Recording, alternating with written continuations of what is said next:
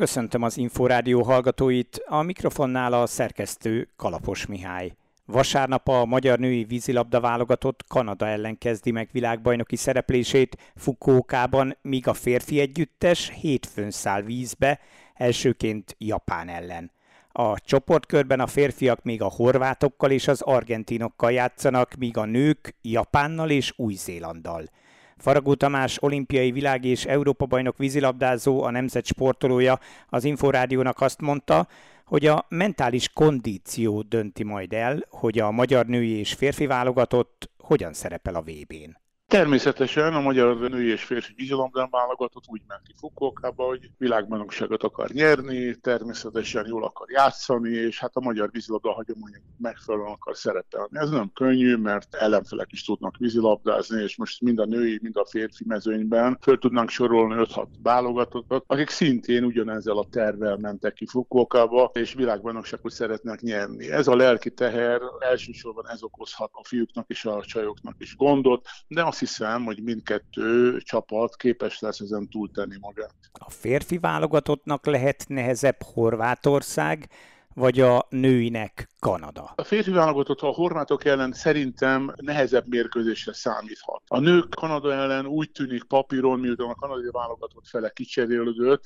és már játszottunk velük korábban Kanadában, úgy tűnik, hogy a kanadai válogatott az verhető, és hát nem tartoznak most pillanatnyilag a legjobbak közé. Ugye érdemes talán már nézni a keresztágakat is, mert csoportelsőség esetén a férfi együttes majd az Egyesült Államokkal játszhat, míg a női a spanyol-holland párosításnak a vesztesével. Igazából azt szoktuk mondani, hogy negyed döntővel kezdődik minden világverseny, de azért hozzá kell tennem, hogy ez valami olyan hihetetlen lelki terhet idéz elő a játékosokban, a csapatban, mert pontosan tudja mindenki, hogy azon a mérkőzésen eldőlhet, ahol lehetsz első is, meg nyolcadik is. Tehát elsősorban ezzel kell megküzdeni, de hát ez mindig így van, hogy a negyed döntőben kell talán a legjobban játszani, mert utána az emberek a játékosok felszabadulnak, és képesek már egy más típusú játékra is. Az az új szabály, hogy most már 15 játékossal gazdálkodhatnak a szövetségi kapitányok, inkább az erősebb csapatoknak, vagy a gyengébeknek kedvez? Ez a 15 ember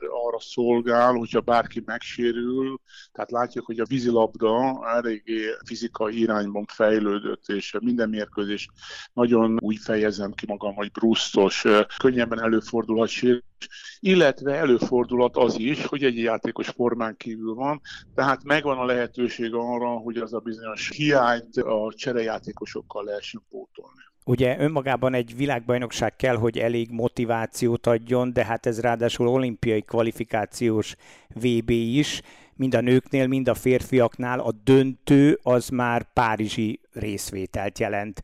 Ez ilyenkor plusz motiváció, vagy igazából ezzel nem is foglalkoznak a játékosok? Úgy mondjuk, hogy plusz motiváció valójában nem jelent semmit. Tehát főleg annak tükrében, amit korábban mondtam, hogy a magyar vízilabda sport az mindig úgy küldi ki a válogatottat, hogy nyerni akarjon, mindig elvárjuk tőlük, hogy aranyérmet szerezzen, és hát természetesen mellékesen a győzelem mellett még jár valami olimpiai kvóta, ami hát azt mondhatnám, hogy magától érthetődő, ezért sok jelentősége nincsen ennek a gondolatnak. Tavaly ugye itthon Budapesten ezüstérmes volt a világbajnokságon a magyar női válogatott, és hadd emlékeztessem, hogy legutóbb önnel volt világbajnok, ugye 2005-ben. Elérhető ez a bravúr? Hát persze, hogy elérhető. Hát én mindig azt szoktam mondani, hogy a játékosok csinálnak az edzőt. Hát most attól függ, hogy Bíró Attilának van olyan szerencséje, mert azért most elég sok jó játékos van a női válogatottban.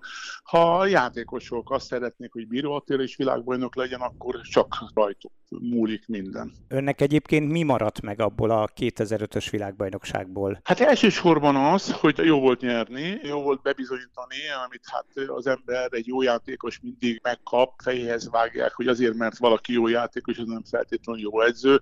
Egyrészt ennek a bizonyítása volt bennem, másodszorban Montrealban nyertem, harmadsorban pedig igazából az maradt bennem, hogy hű de jó játékosaim voltak, akikkel én is világbajnok lehettem. Egyébként egy ilyen hosszú torna során, mint egy világbajnokság is, hogyan lehet fenntartani a formát, vagy hogyan lehet úgy kiélezni, hogy tényleg a döntő mérkőzésekre, tehát a kieséses mérkőzésekre legyen igazán csúcsformában egy együttes? Hát én azt szoktam mondani, hogy a legfőbb szabályozás az idegi. Itt azon múlik, hogy képesek az emberek szellemileg egy ilyen torron terhelését elviselni. A fizikai része szerintem az mellékes. Ezek a játékosok annyira föl vannak készítve, annyira jó erőben vannak, és olyan jó állóképességgel rendelkeznek, hogy igazából a fizikai része az mellékes. Itt a mentális kondíció döntheti el, hogy ki hova kerül. Faragó Tamás olimpiai világ és Európa bajnokot, a nemzet sportolóját hallották. Már a véget értek a pólópercek, tematikus sportági műsorunkkal legközelebb jövő csütörtökön nem sokkal délután 3.44 után várjuk Önöket. Korábbi adásainkat megtalálják az Inforádió honlapján, az infostart.hu oldalon.